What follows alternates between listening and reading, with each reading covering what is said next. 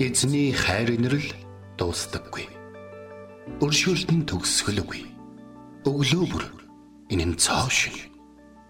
Таны ихтгэлт байдал юутай аавгаавэ. Хермоны шүүдэр өглөөний хөтөлбөр эхэлж байна.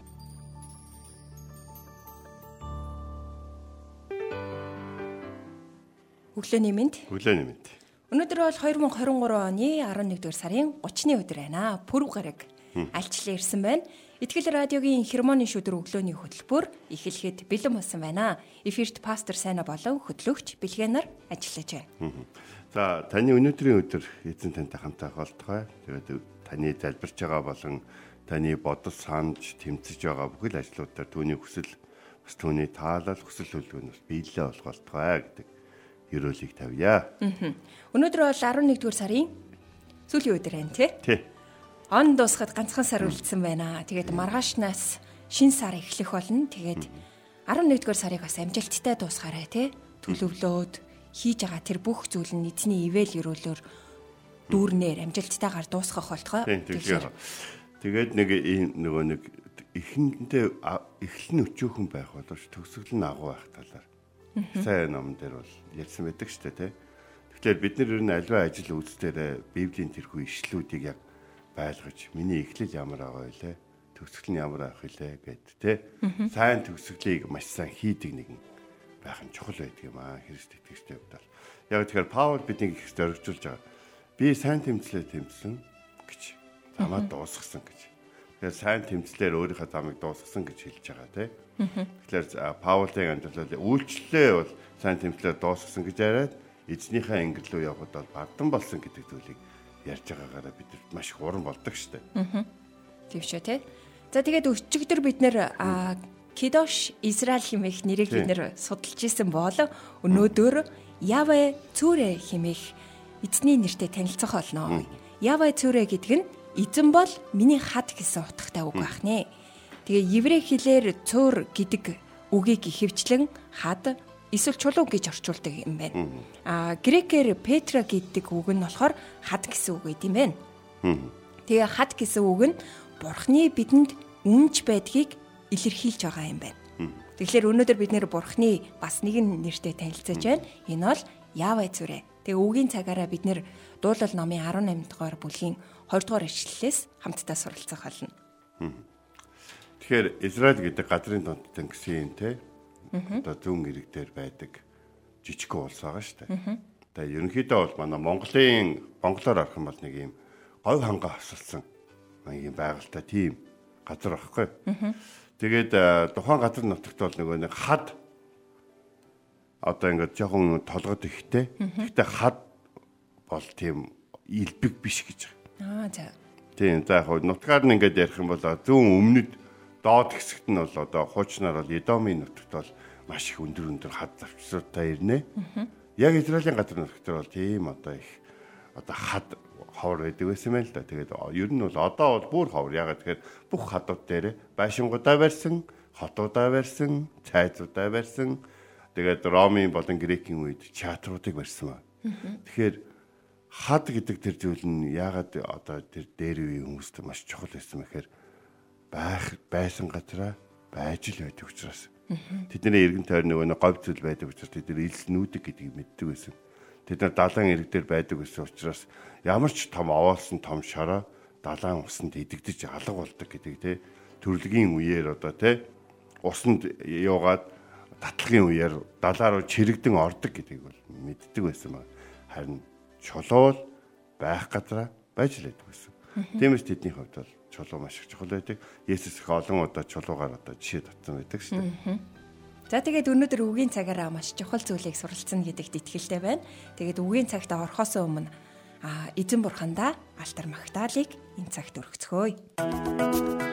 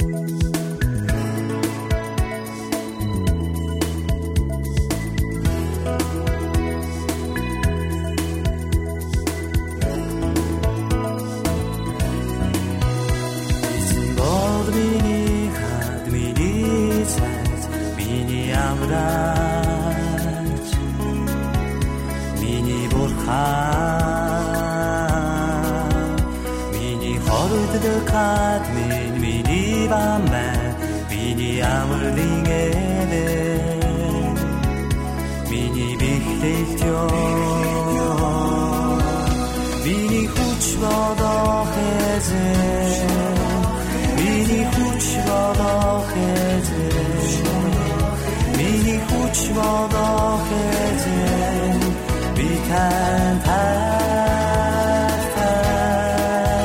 миний хүч бодох эзэн миний хүч бодох эзэн миний хүч бодох эзэн би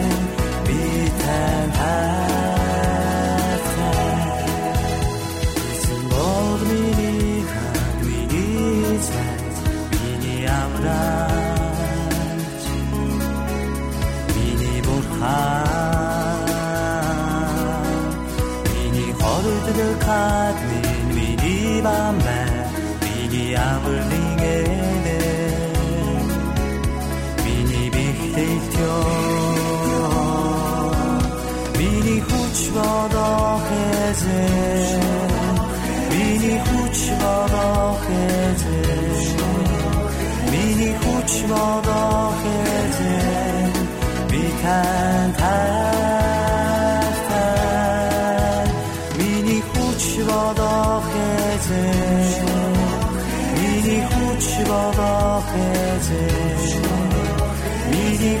хүч бодох эзэн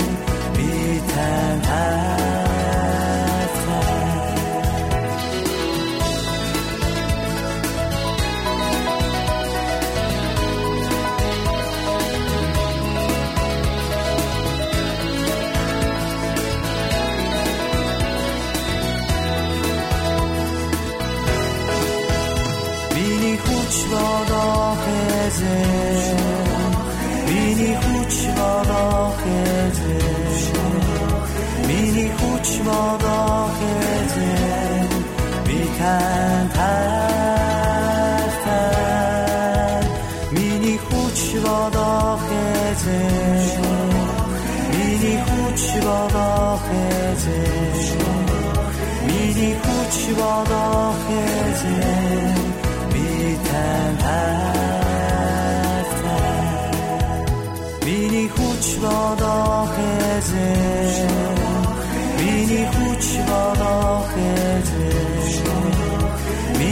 Миний хүч бодох эзэн би тань таатай Миний хүч бодох эзэн Миний хүч бодох эзэн Миний хүч бодох эзэн би тань таатай Миний хүч бодох эзэн Миний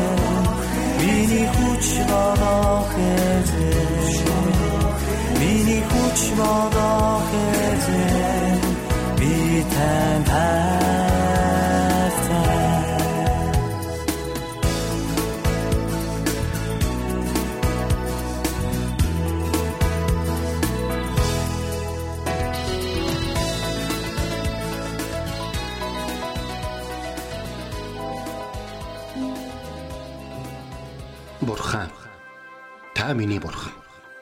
Би таныг эртлэн хайхвалаа.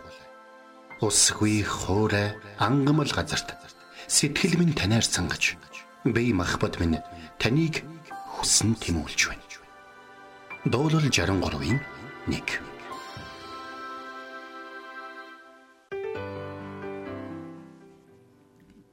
За тэгэхээр өнөөдөр бид нар хамтдаа эзэн бол миний хад гэсэн энэхүү нэрийг бол хамтдаа бол ярьцгааж.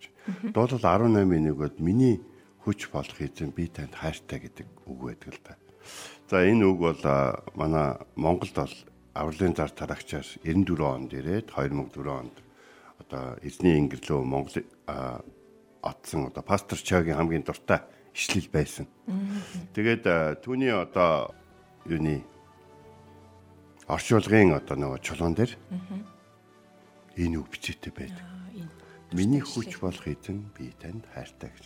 За тэгээд мэдээж дараагийнх нь эсэл бол дуулал 18-ын 2 бол юу гэдэг вэ гэхээр эзэн бол миний хад, миний цайз, миний аврагч, миний бурхан. Миний хорогдох хад, миний бамбай, миний авралын ивэр, миний бэхлэлт юм гэж.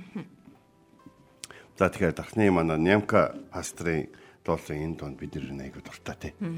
Ер нь бол ингээл болж игэл өөрөөр дуунаа сонгох гээд дээд. Гэхдээ одоо ингээд яалтчгүй одоо агуулга юу сайтай ийм дуунууд магтаалын дуунууд байгаа ч бас давтагч байгаа шүү гэж. Тэгэхээр дуртай дуртай.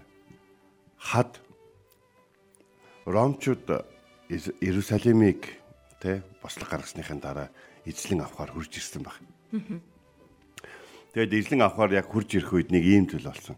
Ромчууд өөс Антоны цамхаг гэдэг цамхагийг барьсан байдаг байхгүй.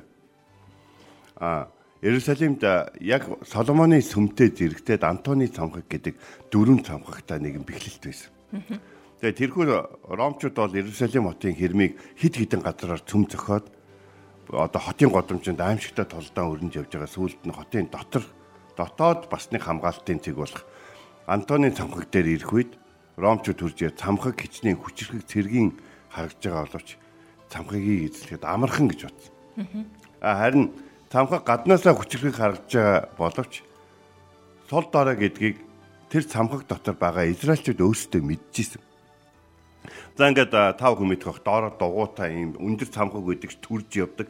Дээр нь цэргүүд гардаг харваачд болоод цэргүүд гарч үрж ирээл хэрмэн тулж ирээл нөгөө шат буулгаал тэгээд бөөнөрөө хот руу дайрал ордог тийм нэг цамхаг байдаг шүү дээ. Ромчууд тийм цамхагаа түрээл Антоны цамхаг руу ирж исэн чи гинт газар нь цөмрөөд нөгөө цамхаг нь унтсан. Тэгсэн чи Израильчууд яасан бэ гэхээр цамхаг дотроосоо газараа ухаад газараа доогор нухсаар байгаа. Яг тэр ромчууд энүүгээр нөгөө нэг дугуйта цамхаг төрж орж ирнэ гэсэн тэр газраар доогор газар доогор ухаж ухаж агаад тэгээд тэр газар доор гал тавьсан байна. Тэгээд тэр цамхаг норж ромчуудын нэг маш одоо аимшигтай дайралт бүтлгүй болсон баг. Тэгээд эндээс нэг ийм зүйл ингээд харж. Грекчүүд болон ромчууд газрыг ингээд одоо манайхаар бол одоо цементжүүлээд те тэгээд ингээд янз бүрийн цамхаг бол барьцдаг байсан байна л да. А гэхдээ израилчууд бол хизээч тэгдэггүй хадан дээр барьдаг гэсэн. Хадыг бол ухах боломжгүй. Тийм учраас тэр өөртөөс нь өөр барьсан тэр байдлыг нь эргүүлээд өөрсдийнхээ нэсрэг хэзээ нэгэн цагт ашигласан гэсэн үг болж байна. Тэгэхээр өнөөдөр дуулал номын 18-ын 2 дээр эзэн таавал миний хад гэж болъё. Би хадан дээр зогсож байна. Эзэн минь нэгэн цагт та Авраамд те 20 одоо 20 болно. Нэгэн цагт та одоо Мөсөд чи 20 хадан дээр очиод чиний өмнө зогсох эзний өмнө арт өмнө зогсох гэж Тэгээд нэгэн цагт чи чи тэнд хадан дээр зогс. Хадан дээр тий? Тэгээд одоо яг тийм хад бол одоо түүний бол одоо үйлсэн төгс зам нь үнэн баттай суйртай гэдэг юм бол илэрхийлэл бол болдог гэсэн. Тэгээд 1-р Самуэлийн 2-ын 2 дээр бол нэг юм гайхалтай байдаг байхгүй. Тэнд юу гэж яддаг гэхээр бидний бурхантай адил хад гэж бол байхгүй шүү гэж. Тэгэхээр бурхныг хадтай зөвлөж юм гэхээр хад израилчүүдийн хувьд ямар том одоо агуулгыг одоо илэрхийлдэг байсан бэ гэдэг нь бол эндээс бол харж байгаа. Эзэн бол миний хад, миний цайд. Бидний бурхнаас өөр хэн хад юм бэ гэж бол асууж байна. Бас хад ч болоо байрнаасаа хөдлөх үү гэж бол асууж байна. Чиний тэ чи одоо маш их юм суйртай ихтэлтэй байх хэрэгтэй. Суйртай бодолтой байх хэрэгтэй. Чи өөрийнхөө бодол санааг болон өөрийнхөө өөрийнхөө алсын харааг өөрийнхөө багныг өөрийнхөө одоо тугийг хадан дээр хатгах хэрэгтэй. Чи өөрийнхөө байшин хадан дээр барих хэрэгтэй. Тэр чамайг өндөр хадан дээр гаргах болно. Тэр өөрөө хад. Тэгэд Израильчууд заримдаа залбирлаа бүр ингэж өргөдөгсөн. Хад минь намайг сонсохоос бүгд татгалзаач гэж. Тэгэхээр одоо хад гэдэг энэ ойлголт нь ямар чухал болохыг бол бид нар одоо ингээ харж штэ тий. Тэгээ бас нэгэн залбирал дээр юу гэж байна гэхээр та миний хөлийг хадан дээр тавиач гэж. Цөмөрөхгүй, живэхгүй тий тийм газар та тавиач гэж. Тэгээ миний байнга очдог хорогдох хад болооч гэж. Тэгэхээр тухайн үед бол нөгөө нэг израилчууд нөгөө нэг одоо Давидын агуу. Давид нэгэн агууд бол Саул хаанаас нуугдаж явах үед бол түүн дээр бол ирээдүйд одоо түүний хаан тулсыг хамттан тусгалж 600 хүн бол цуглан ирсэн байдаг. Тэгээ тийм учраас энд бол залбирсан байж таа те. Та миний хорогдон очдог хадмын болооч гэж. Миний бурхан бөгөөд миний авралын хад. Тэрээр хадыг нээсэн тус олгойдон гарч гэж. Гэтэл номон дээр гарч байгаа. Тэгэхээр Мөсөдтэй холбоотой нэг ийм үг гардаг. Мөсө намайг сарсан. Мөсө намайг уурлсан гэж. Мөсө надад уурлсан гэж. Тэгэхээр э, Израилийн ард түмэн Мөсегийн одоо юг тэ төвчээрийг бол маш их олон удаа барж ирсэн л. Тэгээ нэг удаа юу гэж зүгээр та чи надад ус гаргаж өг. Та та надад ус гаргаж өг гэж. Энэ төлд чинь бид нар ангаж хатаж өглөө гэж. Аа гэтэл эзэн үгж өгсөн. Чи хадны өмнө зогс. Тэгээ тэр хадыг зохих гэж хэлсэн. Тэгэхээр Мөсегийн хувьд бол хад гэдэг нь бол яг үндэ бол борхон гэдэг ойлголтод бол явж исэн. Гэхдээ тэр мөөсө тэр хадыг зохихдоо би танарт ус гаргаж өгөх ёстой юу гэж хэлээд тэр хадыг одоо яг та бүхэнд ойлгомжтойгоор хэлэх юм нүдсэн байна. Уг нь бол мөөсө бол хүндгэлтэйгээр тэр хадыг зохих гэж хэлсэн учраас бурхан өөрөө зохих гэж хэлсэн учраас тэнд мөөсө ингээд уураа гаргах байдлаар шүү дээ. Би танад хэдэн удаа бараг ус гаргаж их ингээд мөөсө өөрөө ус гаргаж байгаа ч юм биш. Тэгээ ч хаднаас ус гардггүй хаднаас ус гарч байгаа нь тэр хатуу зүйлээс ус гарч байгаа Бурхны Израильчуудад гаргаж байгаа төвчээрийн илэрхийлэлээс баг. Тэгээс бол ус хаанаас гарах вүлээ? Доороо хөрстэй, жигтэй ингээд гадрын тэгж гарна шүү дээ, тэ. Тэгтэл хадыг мөөсөөгөр таягаар нь зохиолоод ус гаргасан гэдэг нь би та нарыг маш их хүлцэн дэвчиж байгаа шүү. Хайртай болохоор та нарыг үдий хүртэл аварж яваа болохоор. Тэ? Та нар намайг хад гэдгийг хараач. Гэхдээ би өөрийн хад юм хатуу энэ байдлаараа биш. Нэгүслийнхээ байдлаар та нарын юм байж. Харин миний байр суурийн хувьд бол миний мөн чанар бол хад чулуу шиг бат бэх өөрчлөгдөшгүй юм шүү. Исая намын 26-гийн дөрөвдөр ингэж хэлсэн байна. Эзэн бурхан л мөнхийн хад юм а гэж хэлсэн байна тухайн үед бол хүмүүс хадаар их олон олон зүйлүүд бол хийдэг байсан. Ялангуяа Есүс сургаалт зөвлөл хэлсэн шүү дээ. Эзэн дээр гэрээ башингаа барьсан хүн болон хатан дээр башингаа барьсан хүн гэж. Тэгэхээр Израильчууд өөрсдөө эзэн бол миний хад гэж бодож байгаа учраас хатан дээр башингаа барьж байгаа. Тэгэхээр нэгсэнтэй юу гэсэн үг гэхээр эзний хүсэж төлөвлөсөн тэр дэлхийн сөөрөөс өмнө тогтоосон тогтоц болгосон яг тэр зүйл дээр эзний байшин нь эзний хийсэн бүтээсэн зүйлийн үргэлжлэл болон баригдаж байгаа байхгүй. Тэгэхээр тэр байшин бол бат бих байгаа. А харин элсэн дээр байшин байна гэдэг нь юу гэсэн үг вэ гэхээр хүнтэй өөрийнхөө тийм хоосон одоо ихтгэлд найдлага тавьж байгаа гэсэн үг болж байгаа. За арайч бас ус энэ хүртэл хүрээд ирчихгүй л гэдэг.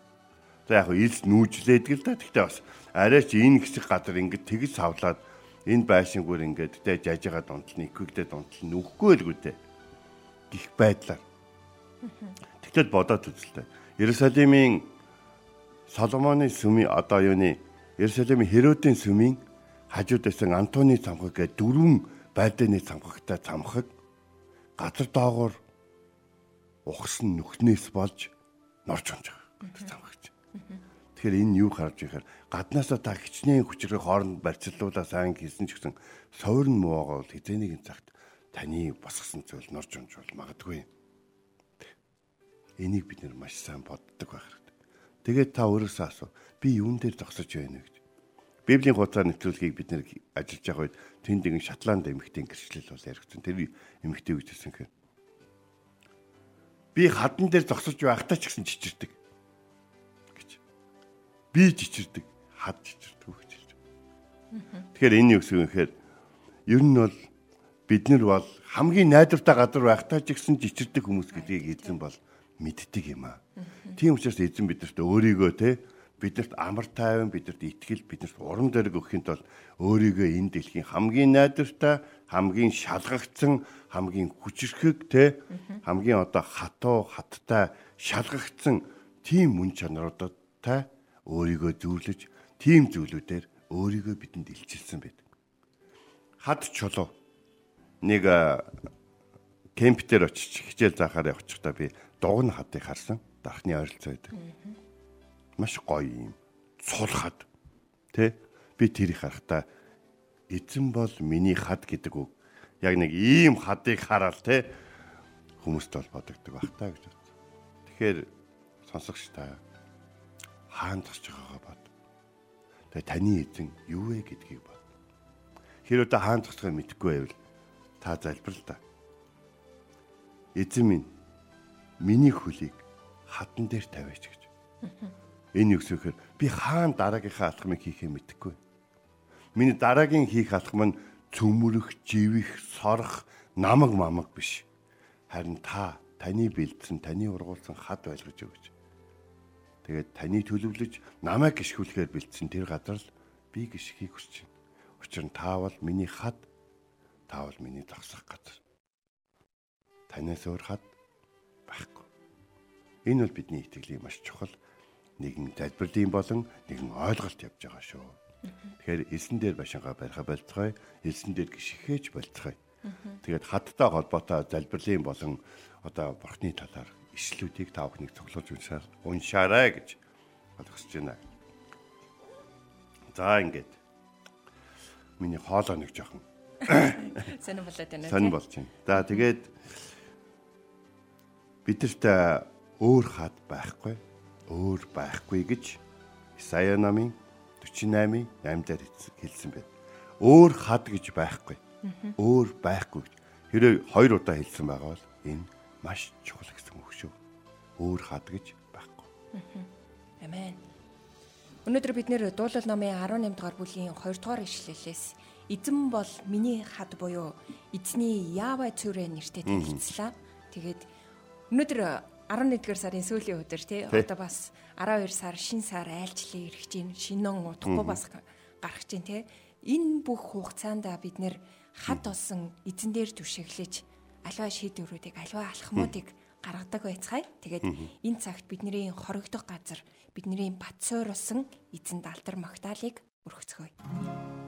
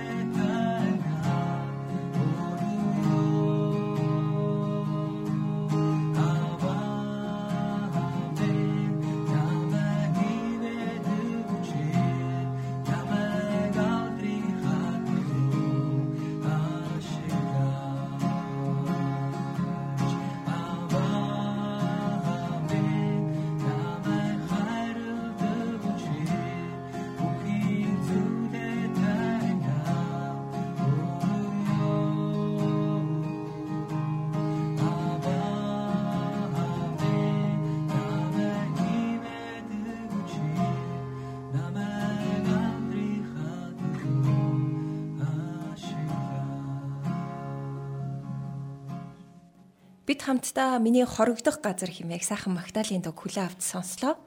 Тэгээ өнөөдөр бид нэр дуулал номын 18 дугаар бүлгийн 2 дугаар ишлэлээс суралцлаа. Эзэн бол миний хад, миний цайз, миний аврагч, миний бурхан, миний хорогдох хад, миний бамбай, миний авралын ивэр, миний бэхлэлт юм. Бурхан бол миний хад, миний бамбай. Амьдралын шуурга эргэн тойронд шуурч ирэхэд яаваа цүрэг санаарай. Бурхан бол миний хад. Бид тэрхүү шуургаад сэгсрэгдэх шаардлагагүй. Тэр бол бидний хүч чадлын жинхэнэ сурвалж бат бөх үндэс суурь, дэмжлэг, хамгаалалт юм. Бүх нөхцөл байдлын дунд бурханд итгэж түүнээс зураарай. Тэр танд зогсох хатуу байрыг өгөх болно. Түүнд бүх итгэл найдвараа тавиарай. Бидний хад болсон эзэн бурхандаа талархан энэ цагт хамтдаа залбирцгаая. Их эзэн минь гайхамшигтай аврагч эзэн минь бидэнд хамгийн сайныг бэлддэг эзэн минь. Яг энэ цаг учид таны хайр инэрлэр дүүрэн нэрийг дуудан таны чиглүүлэгч, таны удирдагч, таны намайг хөтлөгч тэр гайхалтай нэрийг дуудан залбирч байна. Та миний солилцсон өвдгийг тэнхрүүлж та миний хөлийг хадан дээр тавиач. Та буруу газар гიშгэж цөмөрч өөртөө хамтаага бүх зүйлүүдийг эрсдэлд оруулж хааны гадар шигдэхээс хамгаалж өгөөч гэж танилцгууч. Алхан бүр минь таны мэдлэлд байж таны надад бэлдсэн гişгүүдээр гიშгэхэд тусалж өгөөч гэж танилцгууч. Өөрөө мэдээд зоргоороо хажуу тийшээ зүүн бас баруун тийшээ эргэж намагт явдаг ганцхан замыг мэддэг хүнээс зүрж эрсдэлд ордог монхог нэгэн шиг байхаас хамгаалж өгөөч гэж танилцгууч. Тэгээд эзэн та чулуу болгоныг хаана байрлуулахаа мэдэж байсан. Тийм болохоор тэр болгон дээр гიშгэд та хөтлөн дагуулж өгөөч. Та бас сууж амрах хад минь байж өгөөч.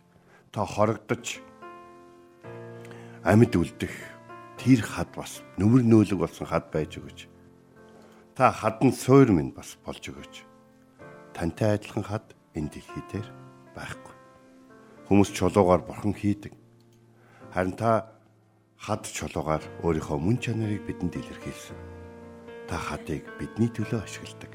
Бидний төлөө бүтээж, биднийг явг гэж бүтээж, биднийг ашиглаг гэж бүтээж, биднийг олон зүйлийг ойлгох гэж эргэн тойрон байлгаж байгаа. Танд баярлалаа. Таны хайр инэрлэр хүн таны үгээр амьдрахад туслаарай. Амьдралыг минь хадан цөөрөн дээр босгож өгөөрэй. Хадан цөөрөн дээр амьдралаа босгоход та дамчилж та удирдах өгөөрэй. Есүс таны нэрээр өнөөдөр Германы шүдэг сонсож байгаа бүхнийг даатхан хайртай хүмүүсийг даатхан залбирэн гойж байна. Амен. Энд хүрээд Германы шүдэр өглөөний хөтөлбөр өндөрлөж байна. Маргааш эргээд энэ цагта болццгаая. Эзэн таныг харж хандах болтугай. Эзэн зүрхийг чинь бурхны хайр ба Христийн төвчөрт чиглүүлэх болтугай. Хермоны шүдэр өглөөний хөтөлбөр танд хүрэлээ.